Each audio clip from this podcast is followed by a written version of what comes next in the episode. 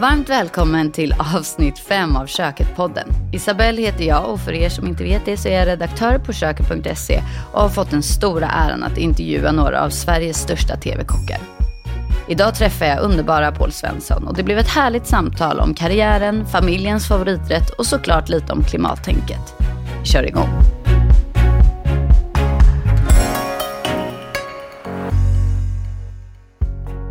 Paul Svensson är superkocken med ett hjärta som slår dubbelslag för den gröna matlagningen.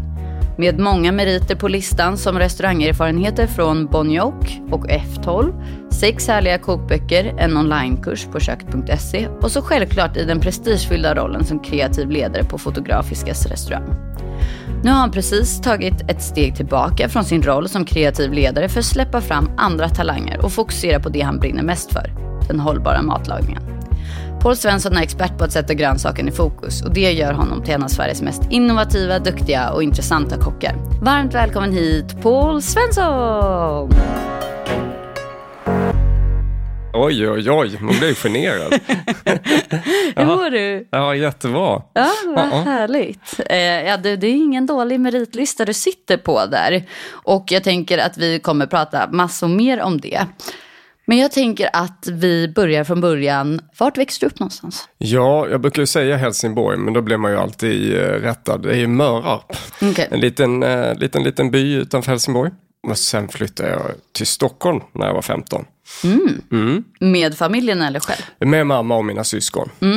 Och hur var det när du växte upp? Hur var matlagningen i din familj? Ja, men den var bra. Eh, vi brukar säga så här att eh, vi, vi hade tillgång till väldigt bra mat. Min mamma eh, hade en stor förkärlek för eh, liksom vällagad, hemlagad mat. Så. Farfar fiskar, så vi hade ju tillgång till färsk fisk ett par gånger i veckan. Lyxigt. Eh, ja, verkligen. Eh, men samtidigt var det ett nödvändigt ont, så det var ingen lyx liksom, på något sätt. Utan eh, eh, när man lyxar så lyxar man ju väldigt ofta hos sina mor och farföräldrar. Sådär, När det fanns tid att laga mat. Och, eh, Eh, men jag skulle säga sammantaget så har jag haft, nu så här i efterhand om man tittar i backspegeln, så har jag haft en jättefin uppväxt med väldigt bra vällagad mat från grunden. Mm. Har du något eh, så här, riktigt så här bra matminne som du kan minnas från din barndom? Alltså jag minns många olika saker. Jag, jag, jag minns ju min mormors kök väldigt mycket eftersom jag hängde väldigt mycket i, hos min mormor. Mamma och pappa jobbar ju sådär. Eh, och det här lilla köket och det här liksom eh, nylagade, framförallt då, jag har sagt det tusen gånger, men, men eh, mormor är- var ju en eh, rackare på att göra raggmunk. Men hon var ju duktig på all typ av matlagning. Men, men det är det man minns mest, liksom den här enkla nylagade maten i det här osiga köket som man liksom fick vädra ur. Det. Och, och hennes närvaro, och det, jag menar det var ju sammantaget alla egentligen i familjen hade en stor förkärlek för, för eh, maten och råvaran och så. Det förstod man ju inte då när man var i den åldern. Men, men så här i efterhand när man tittar tillbaks på det så hade man ju sådana fantastiska minnen. Sen har jag ju massa konstiga minnen som också är liksom på något sätt eh, beskriver kanske att man förstod att matlagning kunde vara någonting mer. Vi hade några jättefina vänner nere i Skurup eh, som hette, eh, eller pappan hette Lars och- och mamman hette Karina och de hängde vi jättemycket med. Och Han reste på Frankrike. Och då har jag ett sånt där minne eh, när eh, vi åt sniglar första gången. Det måste ju varit superexotiskt. Ja, ja, ja. Alltså det var helt galet. Man, alltså att man ens kunde äta sniglar för det första. Och sen då liksom våga sig på det där. Men där fick vi testa massa nya grejer som man aldrig hade sett förut. Jag kommer så väl ihåg min pappa tror han fyllde 35 eller du vet något sånt där. Eh, då skulle mamma bjuda på sniglar i Mörarp då, där vi bodde. Då, liksom. Eh, Det gick ju inte riktigt hem kan jag säga. Hon gick med ett fat så här, med de här snigelskalen, så kom tillbaka, så var inte en enda som hade tagit. Så mamma och jag satt och käkade dem där i köket sen. Det var ett bra försök. Ja, ja, ja, det var ett ärligt försök ute på, på landet. Det gick Ja. inte hem där då. Men du pratade om eh, kärleken liksom, till råvaran och framförallt hos din mormor och sånt där. Känns det som att det är en inspiration, eller där du har hämtat inspiration också. För du är ju också mycket råvara och fokus på det. Mm. Ja, men jag, absolut, helt säkert är det så. Och jag tror ju att eh, så här i efterhand, man efterdikterar ju ofta sin egen historia. Men jag skulle säga när man tittar tillbaks på de minnena så var det just den här upptagenheten att man kunde prata om en potatis som att misslyckandet låg i att man hade valt fel potatis. Eller jag skulle ha åkt upp och köpt liksom eh, fläskköttet hos Andersson istället, för, för han har mycket bättre fläskkött. Att det var Eh, ganska tidigt förstod man ju liksom, det var samma med fisk med farfar, att olika storlekar på ålar, han var ju ålfiskare då, mm. det äter man ju inte längre, men eh, hur man eh, placerade dem till olika typer av rätter. Det var inte bara ål sådär i allmänhet, utan just den här specifika, den ska liksom gå till rökning och den här är liksom till nystekning och den här ska läggas in och så. Eh, så ganska tidigt förstod man ju att det fanns en, som en differentiering i, i sättet att titta på matlagning, att det inte bara tar första bästa. Ja, och det är jätteintressant, speciellt i liksom sådana unga år, så mm. är ju en potatis för väldigt många bara en potatis. Mm.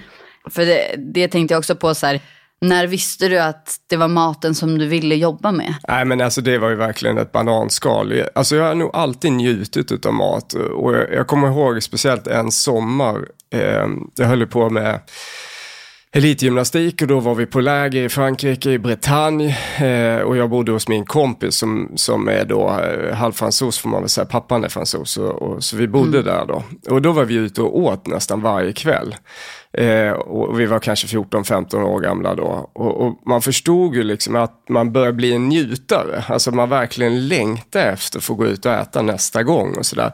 För att man hade fått en horisont, eller en bredd mm. på horisonten av vad mat kunde vara. Jag, jag är ju egentligen utbildad till, skulle ha blivit ingenjör. Mm. Mm. Eh, vilket inte är fel. Jag säger det till mina barn idag själv. Att att eh, det är spännande att ha den bakgrunden och sen halkar man in då via militären egentligen. Jag fick ju liksom välja mellan att bli ambulansförare i Norrköping eller kock i flottan och, och, och ja, jag vet inte. Det, det, det vart liksom bara, eller den här mönstringsförrättaren som satt där och sa ja det är alltid bra att kunna laga mat. Så, ja okej, okay, men då, då väljer vi det då.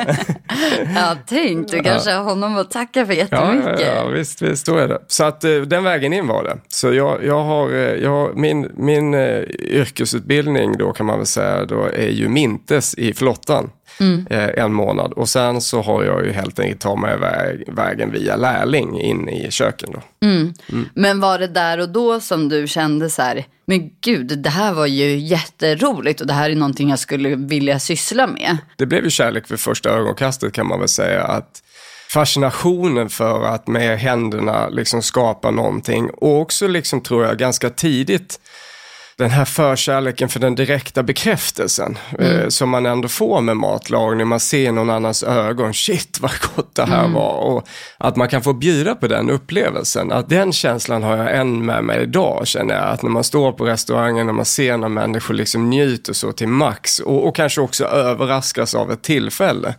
Att det fick jag med mig ganska tidigt. Plus att det då var väldigt mycket, jag råkar ha tur och hamna med väldigt många unga ambitiösa killar som, som älskar att laga mat och så fullständigt nernördade liksom i, i kokkonsten. Så, så att, det var många olika faktorer som gjorde att man blev frälst. Men mm. eh, jag kände ju då efter det året eller ett och ett halvt året att det är det här jag vill hålla på med. Det här är så spännande. Mm.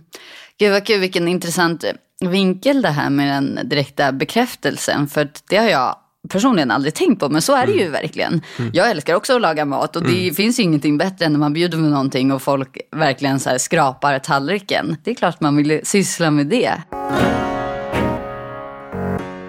Okej, okay, men och sen så, hur började liksom restaurangkarriären sen då? För du har ju varit väldigt restaurang mm. genom hela mm. din karriär egentligen. Absolut. Nej, men jag älskar restaurang och kommer nog aldrig att släppa det tror jag. Det det började med att jag, eh, jag såg en annons, eller så här var det faktiskt om man ska vara ärlig. En av killarna sa till mig så här, du, du kommer aldrig någonsin få sätta din fot på en, en eh, stjärnkrog någonsin om inte du liksom utbildar dig till kock. Mm. Och hittade den här artikeln i tidningen eh, där det stod vi söker eh, komier då, alltså elever i London. Mm. Eh, och de stackars eh, stålarna man hade kvar efter militären eh, samlade ihop och eh, räckte till en färjebiljett från Göteborg.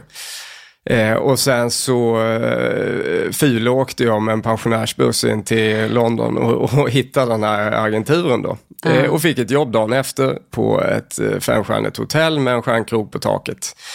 Och så börjar resan kan man väl säga. Jag fick börja längst ner, ta hand om grönsaker och packa in i kylar. Och jag var ju liksom med busboy sådär i mm. ett halvår kanske. Och så successivt fick man liksom jobba sig in i köket. Det var en jättefin lärling, utbildning så här i efterhand. Så den vägen. Sen var jag utomlands i många år. I England eh, och jobbade på de bättre restaurangerna och i Italien. Och sen, ja, kommer jag knappt ihåg, sen eh, 98 tror jag, mm. så har jag varit i Sverige och mm. jobbat runt på de mm. bättre restaurangerna. Och sen har jag ju drivit en massa restauranger. Berätta om eh, Bonjoc. Så spännande. Mm.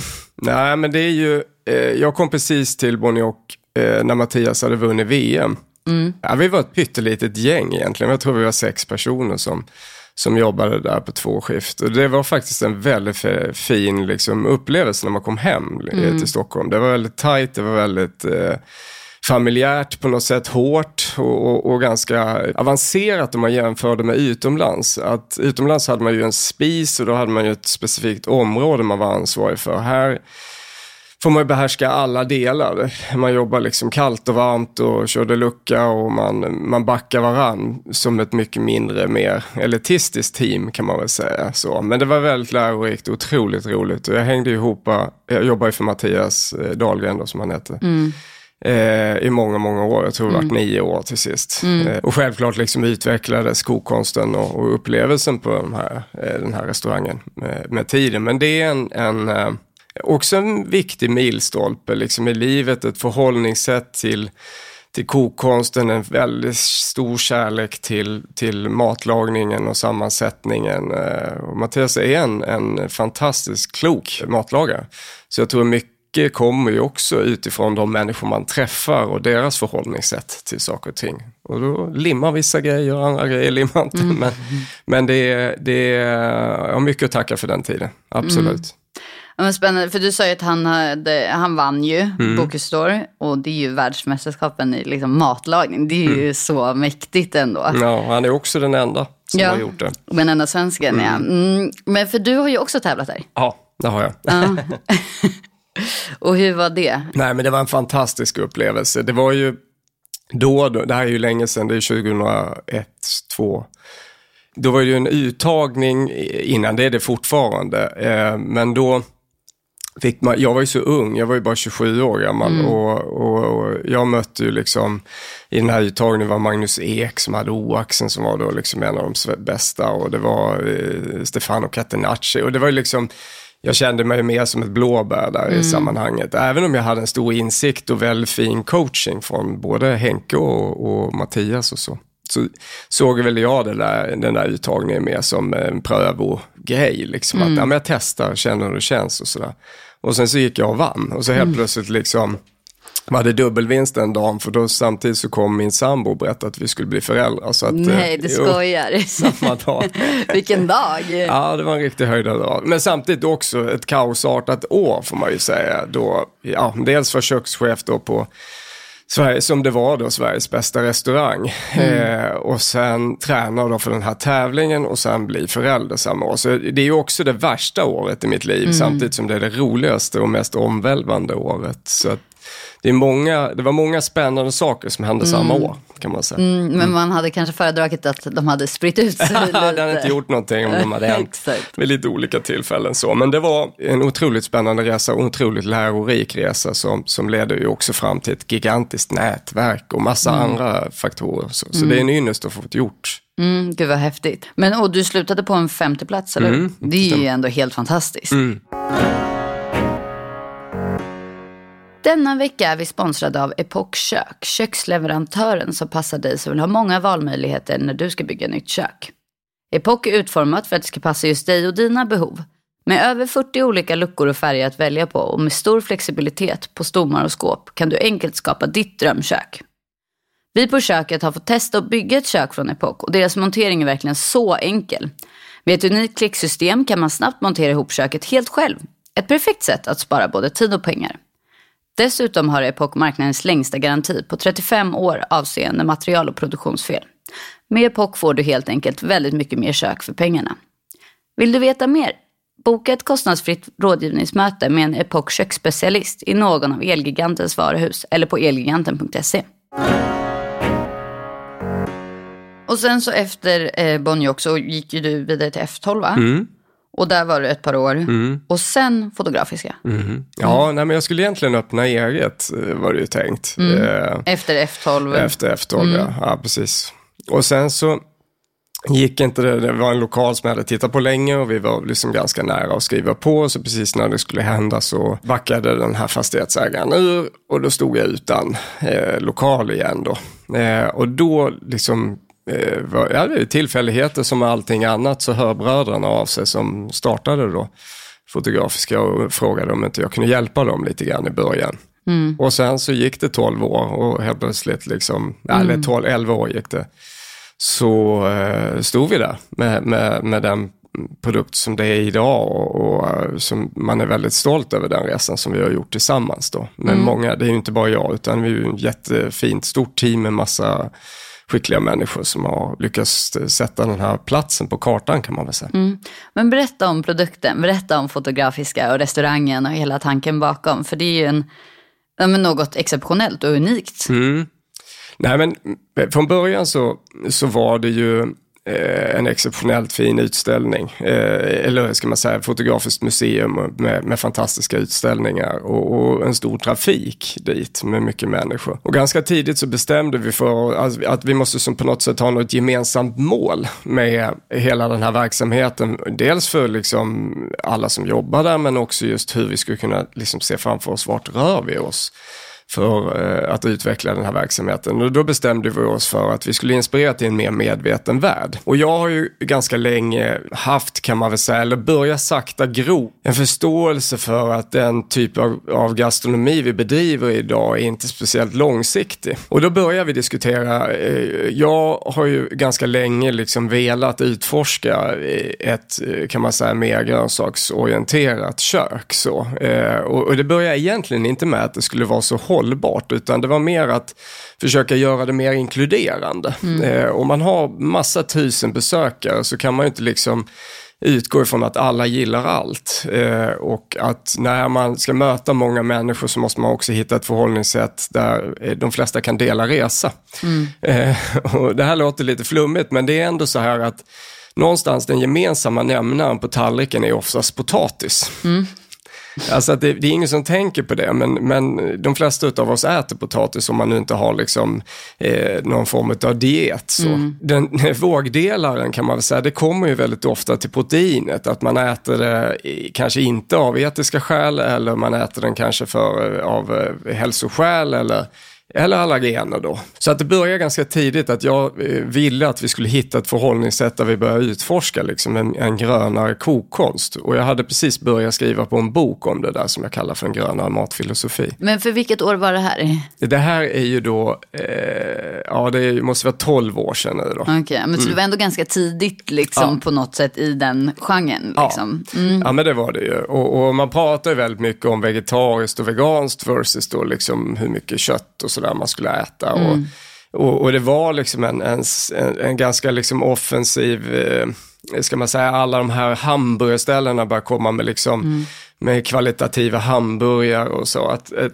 att det fanns liksom utrymme kände man ändå på marknaden för någon som liksom skulle börja utforska eh, något som inte var veganskt eller vegetariskt utan var liksom ett grönsaksorienterat kök. Eh, och det var svårt att sätta namn på det där till en början liksom. För fanns ju på engelska, det var så här plant-based och plant-forward och, eh, och eh, plant-centric. Och det fanns så mycket så här, men det, var ing, det, det finns inget ord för det definitiva av vad det är man upplever. Eh, men vi började i vilket fall och vi, vi namngav liksom eh, rätterna som växträtter för att det var liksom inte maträtter i den bemärkelsen som, som var traditionellt då orienterade runt omkring ett protein, utan här käkar man liksom en, en eh, växtbaserad upplevelse så kunde man välja till kött eller fisk. Så det var egentligen inte exkluderande ur, ur något perspektiv egentligen. Det var mer snarare inkluderat huvudupplevelsen skulle alla kunna dela.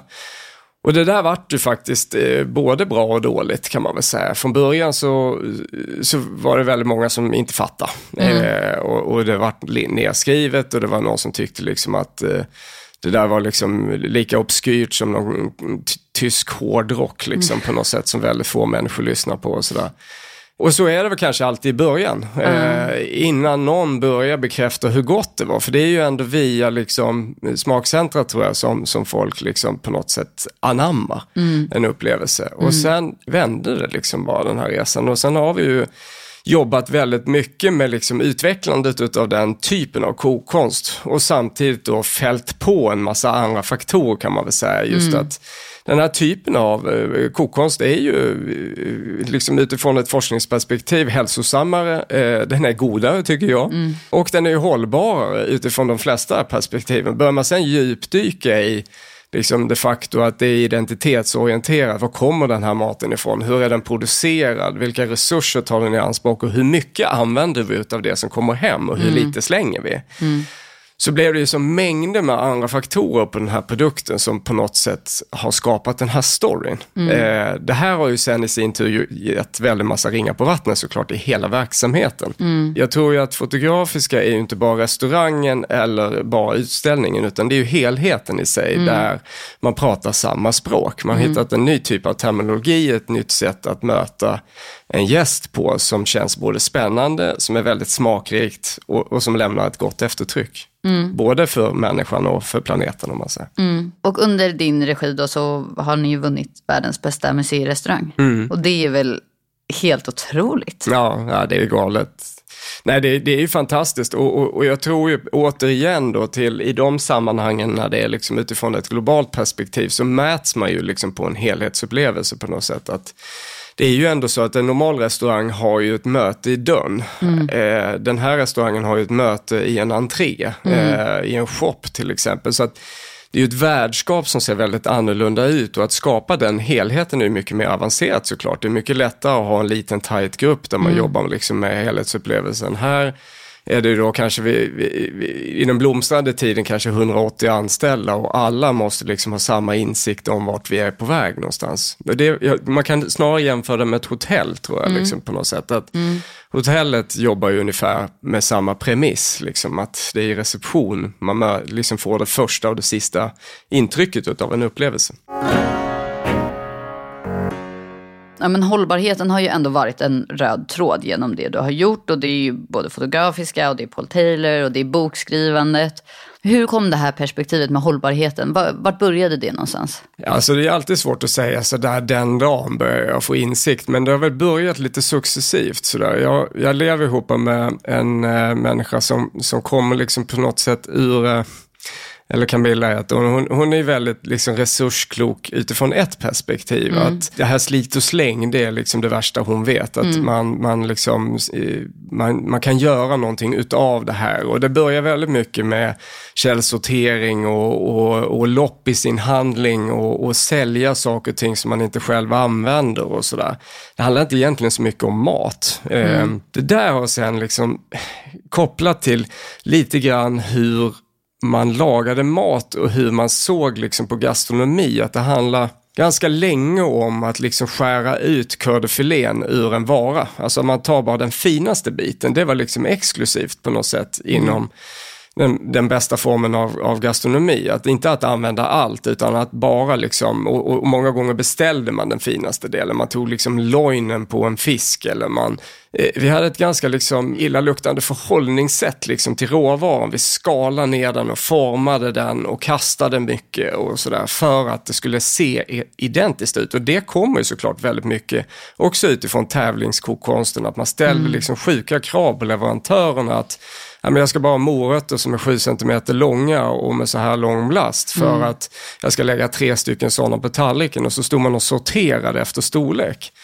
Eh, och exakt hur mycket av det som fortfarande kvarstår, det, det, vet jag inte för det har jag ju slutat med för mm. länge, länge sedan. Men det kom till en punkt när man kände att det här håller inte längre. Vi kan inte hålla på på det här viset. Vi måste ju liksom låta naturen styra eh, hur tallriken ska se ut eller hur liksom, komponenterna på tallriken. Det är liksom innovationen i att jobba med de begränsningarna eh, naturen ger som är den svåraste formen av gastronomi. Mm. Och, och, vill man då liksom leverera best practice, då får man jobba inom ramen för vad naturen presterar. Ja, men gud vad spännande. Jag eh, tycker ju om man pratar om så gastronomin och liksom restaurangbranschen och allt sånt där. Om man jämför dem med till exempel Köket.se som är ju mycket mer ja, men vardagspersonen. Mm. Så tycker vi också att vi ser att intresset ökar. Och ja, men både på växtbaserad mat men på alternativ till proteiner och sånt där. Eh, eller animaliska proteiner. Så det känns ju som att det håller på att ske en förändring. Mm. Sen så är vi ju kanske inte eller människan är ju inte så förändringsbenägen alltid, så det kommer ju vara en process. Mm. Vad skulle du säga är dina liksom bästa knep eller tips för hur man kan ja, men egentligen minska sin klimatpåverkan? Nej, men jag brukar säga att det handlar inte om att ta bort så mycket, liksom. det handlar ju om snarare att lägga till. Och, och de flesta snurrar ju då, det är ju mycket tack vare köket.se och den typen av liksom inspiration som folk vågar göra förändringar i sin i tillvaron. Man vill ju ha ett säkert kort när man ska göra något, man vill veta att det blir gott och så. Men om man nu tittar på det så rent krasst så handlar det ju om att vi behöver äta, eh, av många skäl behöver vi äta eh, mer växter och lite mindre animaliskt protein och bättre animaliskt protein. Eh, och det, det tror jag många börjar sakta förstå att eh, det är väldigt stor skillnad på eh, både på animaliskt protein och på bra grönsaker. Det är inte bara så här, bara för att du äter mer växtbaserat så behöver det eh, per automatik bli hållbart, utan du behöver också äta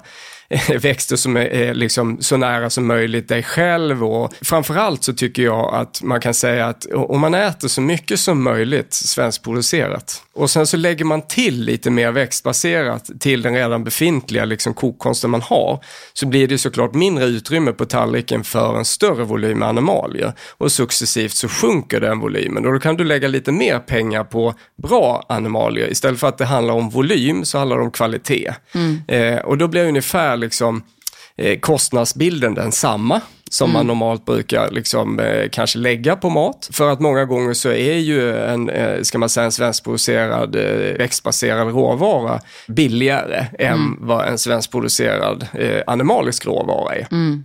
Ja, men det känns ju som ett väldigt bra starttips. För att mm. Det kan ju också vara så att men, vissa har tagit till sig det här och påbörjat och vissa kanske inte alls har börjat den här resan. Och någonstans så behöver man ju bara de här enkla små sakerna i liksom vardagen som kan påverka. För att det är många som har kanske små barn, man jobbar, alltså det är en stressig vardag. Är, mm. Vi vet ju vardagspusslet är ju någonting som många kämpar med och där är ju maten en sån avgörande faktor. Vi har ju ja, men så mycket besök på våra recept som tar 20 minuter och mm. allting ska gå fort. Men just det här som du säger, bara så här, lägga till grejer. Känns ju som ett väldigt enkelt första steg verkligen. Mm. Okej, men och du har två barn? Mm, tre. Tre barn? Mm. mm. Och hur, vad äter ni för mat hemma då? Hur liksom implementerar du det här som är ändå ditt jobb och ja, men, det du tänker på väldigt mycket på, i mm. hemmet? Nej, men jag har en ganska rolig incident faktiskt som, som har med köket att göra. Där jag lagade eh, vad jag då sa i det här sammanhanget, familjens favorit. Uh. Och det var en eh, melanzane, alltså mm. Man helt enkelt bakar liksom brynt aubergine och, och, och, lök och tomat och mozzarella tillsammans med en jättegod tomatsås och sådär. Och så bakar man den i ugnen med parmesan på. Och så Jag älskar formligen den. Jag, jag kan äta den nästan eh, tre gånger i veckan. Mm, den är så vacker också. Ja, den är så otroligt uh. vacker. Uh. Och så smarrig. Och då sa jag där vid det här tillfället att det här var liksom familjens favorit. Eh, och då eh, gick det ju inte mer än ett dygn förrän det där hade sänts så kom min mellanson hem då, som är 15 och skrek redan i dörren. Pappa, vad är det du säger? Jag hatar ju aubergine. eh, och han ville att jag skulle gå ut och dementera det där, för han hade fått höra det från alla sina polare. Va, älskar du aubergine Love? Va, vad är det för fel på dig? Så det där har jag fått höra, så det har ju blivit liksom en, en, en, grej hemma. Och dessutom odlar vi väldigt mycket aubergine i, i år, då, så det har ju mm. varit mycket aubergine i kylen. Och vi försöker med honom, men han är inte riktigt där än. Han petar fortfarande bort auberginen. Då. Uh, vi, vi förhåller oss faktiskt inte så mycket till om barnen gillar eller inte gillar. Mm. Utan man lagar och så får man utforska. Och, och, det största kvittot på det är väl att den äldsta är kock nu och, och älskar mm. liksom all form av mat. Och jag tror ju att det handlar väldigt mycket om eh, liksom ork och, och tålamod och, och att, att, eh, att försöka liksom hela tiden nudga till att våga testa någonting nytt och prova lite olika sätt att tillaga saker och ting på för att ja, men möta den gästen även hemma vid familjebordet. Eh, men det är inte lätt på något sätt. Även om jag har hållit på med det här hela livet så är det klart att det sits och petas en del i, även i maten hemma hos oss såklart. Ja, men det hör ju till också på något sätt. Alltså, det är nog ganska befriande också tycker jag att höra bara det här, så här. Ja, men om man inte gillar då, alltså, att man får testa och smaka sig fram och det får bli lite som det blir också. Ja, ja, ja, verkligen, verkligen. Och det blir roliga historier av det. Så det... Ja, men vilken är familjens verkliga favorit då? Nej, men jag tror eh, all form av caesarsallad är nog familjens eh, favorit. Jag tror att många gånger har det blivit sådär att eh, man förhåller sig snarare till såsen än kanske sammansättningen av produkter. Alltså att man, man kan förhålla sig till en smakbild som man gillar jättemycket. Att, Ja men hemma, precis som på många andra ställen så älskar de bearnaisesås. Så allt som serveras med bearnaisesås är ju gott. Eh, allt som serveras med caesardressing är gott. De älskar liksom en väldigt hårt sammankokt tomatsås. Då kan man i princip göra vad som helst. Vilken typ av pasta med vilka komponenter som helst. Så att idag så ser jag nog såsen som mycket mer relevant än vad jag kanske, eh, än exakt liksom vilken typ av komponenter som, som läggs dit. Utan man bestämmer nästan så här, men vi bygger upp det runt omkring den här smakbilden i såsen. Vilken är din favoritsås? Ja, men jag får nya hela tiden. Men jag har en nu som jag tycker väldigt mycket om och som jag går nästan att använda till allt. Den heter Chemola och det är liksom en sån marockansk eh, jättegod örtdressing kan man säga. Med, med, med persilja och mynta och koriander. Men det är också lite ingefära och det är lite chili, det är lite lök och det är ju såklart lite syra och olivolja och sådär. Det är ju en fantastisk liksom, universalsås som funkar till så otroligt mycket. Men eh, den är ju jätte, jättegod till växtbaserad, den är jättegod till skaldjur. Den är, alltså den, den, den är fantastisk. Så den är, just nu är den en väldig favorit. Det är roligt att du pratar så mycket om såsen för jag tycker, om jag lyssnar på en del matpoddar och ja, men, följer liksom hundratals matkonton på Instagram och jag har ändå fått så här någon uppfattning om att det trendar att så här, sås är ute. Och det, jag är ju också en såsperson och jag vet ju att många av kökets besökare också är såspersoner och sås är ju livet. Så det, det är jättehärligt att du säger att eh, såsen är här för att stanna och snarare kanske är liksom, som du säger, liksom ett bindemedel i en hel rätt. Det är ju helt fantastiskt. Du ska få gissa nu vilka som är dina tre mest populära recept på köket.se. Så nu får du fundera lite här på vad du har lagat genom åren. Oj. Ja, men jag kan tänka mig att det är någon pastarätt säkert, för det är, liksom, det är lättlagat och det är, blir nästan alltid väldigt gott. Så det skulle jag gissa att det är en pastarätt. Det är helt rätt. Topp Ja. ett är din pasta ragusa som du gjorde. Det var en av de första rätterna som du gjorde i kökets middag. Som är ju med aubergine då eh, och eh, tomat. Och den är ju helt fantastiskt enkel och eh, väldigt, väldigt god. Den har jag gjort flera gånger själv hemma. Så den är topp ett. Ja, då är det ju rätt. Ett. Nu kan jag ha fel nu då. Vad skulle det kunna vara då? Ja, men kanske, eh, jag gör en väldigt god, tycker jag själv, eh, kebab-liknande grej fast på växtbaserad färs med liksom, eh, jag vet inte vad jag har haft till, men jag tror att det har varit så här med klyftpotatis och tzatziki kanske, eller något sånt. Kan den vara med där? Mm, nej, tyvärr. Nej, okej, nej. Melansanen då? Nej.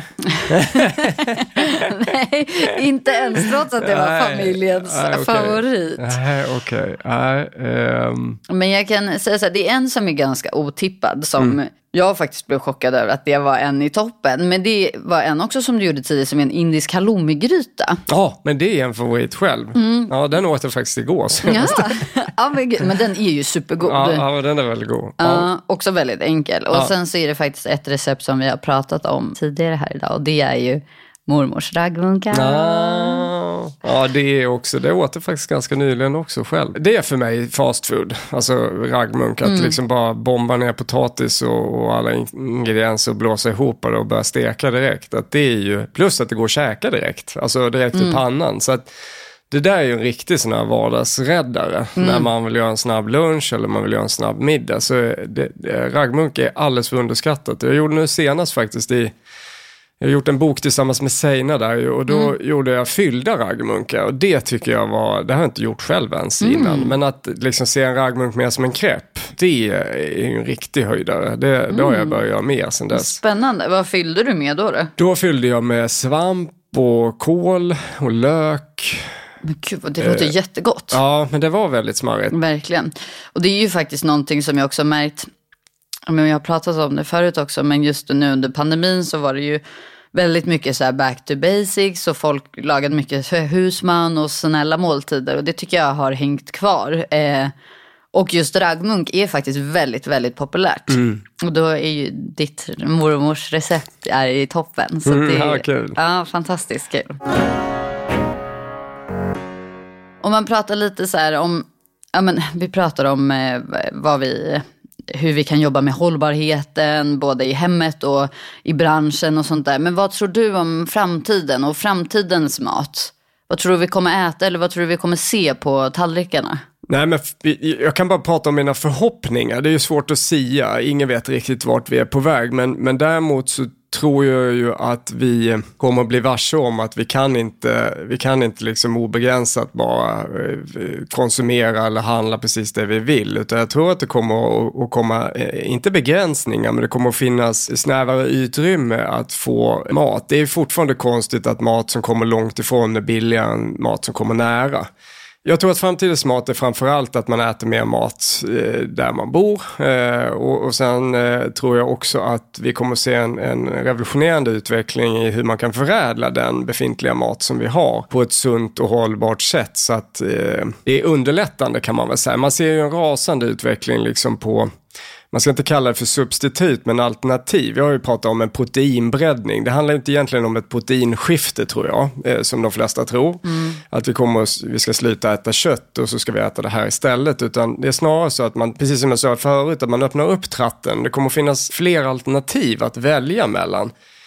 Vi kommer att se mer av svampproteiner och, och spannmålsproteiner på marknaden som, som innebär ju såklart att vi kan liksom göra alla våra favoriter fast på ett annat sätt med olika baser i. Att ibland så gör man sin pannbiff med fläskfärs, ibland gör man det med nötfärs, ibland gör man det med ärtfärs och ibland gör man det med en eh, svampfärs kanske mm. till exempel. Och, och, och då handlar det väldigt mycket om att sätta smak på de här olika upplevelserna eh, hur de likvärdigt blir lika goda eller goda på olika sätt och passar i olika sammanhang. Rent politiskt så tycker jag att vi eh, behöver börja förstå att eh, självförsörjningsgraden behöver komma, behöver, alltså vi behöver hylla primärproduktionen i en helt annan utsträckning än vad vi har mm. gjort och se faktiskt utifrån ett perspektiv lite stolthet för den produktion som sker i vårt eget land. Både eh, stoltheten över bonden som faktiskt gör det hårda jobbet och förser oss med, med det livsnödvändiga, men också stoltheten över, precis som en italienare eller en fransman har varit i, i sin tidernas begynnelse, stolt över sin egen kokkonst och den smak som är högst unik i Sverige med våra råvaror. Så det tror jag att vi kommer att se mycket i framtidens mat. Mm. Spännande teorier. Mm. Och vad har du på gång framåt? För att i, precis i inledningen här så sa jag att du precis har klivit ner som mm. kreativ ledare på Fotografiska.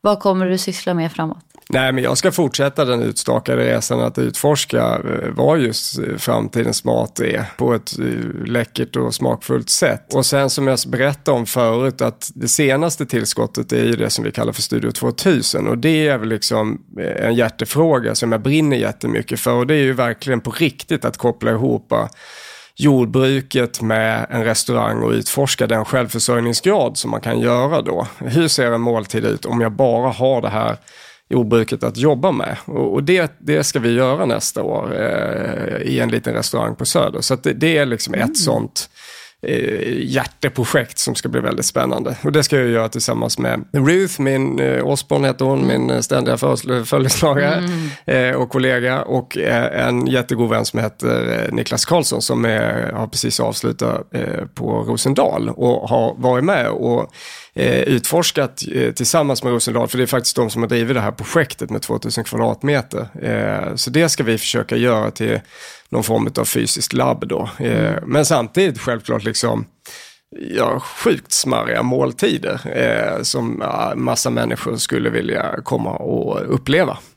Gud vad spännande. Ja, så det är väldigt spännande. Och, och eh, en eh, ytterligare liksom såklart en, en, en svår utmaning, men det gillar man ju.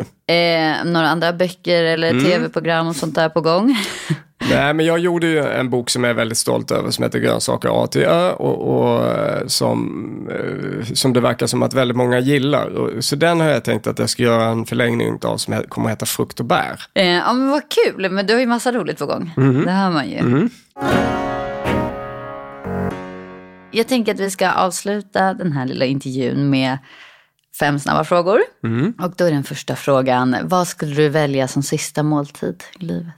Jag skulle nog välja att äta den med min familj i vilket fall. Eh, exakt vad som skulle ligga på tallriken handlar nog mer om kanske vad de skulle vilja ha än vad jag själv skulle vilja ha. Om jag visste att det här var sista måltiden så, så tror jag att jag skulle laga, dem, laga den till dem. Eh, återigen tillbaka till det här att liksom den största formen av bekräftelse är ju i den som sitter mitt emot. Det är då man njuter som mest själv tror jag också utav maten.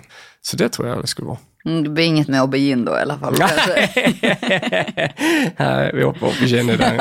Åtminstone i dagsläget. Och vad landar aldrig på din tallrik? Eh, dåliga råvaror. Eh, jag äter inte eh, mat som jag inte känner till hur det har blivit till. Och vilken är din favoritråvara?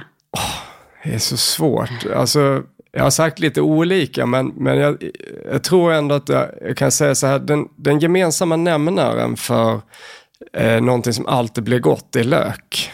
Så jag skulle nog säga att lök är min favoritråvara. Och, och då är inte det samma sak som om jag skulle leva på den resten av livet. Men, men lök för mig, vanlig gul lök, är kanske den mest underskattade eh, det är. Och, den är förvånansvärt billig eh, utifrån hur komplex den är. Och det är ganska svårt att odla också. Eh, ja, men, ja men exakt, det, är inte, det här var ju bara liksom vad man älskar fråga, inte vad du ska äta resten. Nej. Du behöver inte gå på någon lökdiet. Nej, nej. Vem skulle du helst vilja äta middag med, död eller levande? Just nu skulle jag nog helst vilja äta middag med min mormor tror jag. Hon är inte så sugen på att äta middag längre. Men om man ska ta någon stor personlighet så någon som jag fascinerats över, eh, som inte lever längre, är Nelson Mandela. Han, han skulle jag jättegärna vilja sitta och äta middag med om det hade gått. En, en som lever, som jag är jättenyfiken på, det är ju, nu kommer jag inte ihåg vad hon heter förnamn, Kamala heter hon efternamn, vicepresidenten Mm, i Kamala USA. Harris. Ja, Okej, sista då. Frukt i mat, ja eller nej? ibland. Du har inte svarat så här rakt upp och ner på någon av de här frågorna. Ibland, okej, då får du utveckla. Jag avskyr mimosasallad, det är det värsta jag vet. Men jag kan tycka att frukt hör hemma ibland. Jag tycker äpple är jättegott i mat till Mm. exempel. Men eh, fruktsallad i mat tycker jag inte är så gott. Nej, flygande Jakob med banan. Nej, det är jätteäckligt. ja, Ananas på pizza. nej. Nej, okej. Nej, alltså det är just den typen utav där man smyger in det i ett sammanhang där det inte hör hemma. Tycker inte jag om. Vissa gillar ju det, Ja, men, men eh, nej, jag gillar inte det. Men eh, då tror jag att jag har fått svar på alla mina frågor. Och tack snälla för att du kom hit och för ett trevligt samtal. Ja, tack för att jag fick komma. Tack för att ni har lyssnat på dagens avsnitt. Blev du sugen på något av recepten vi pratade om så hittar du dem på köket.se koketpodden. Vi hörs nästa vecka med en ny spännande gäst.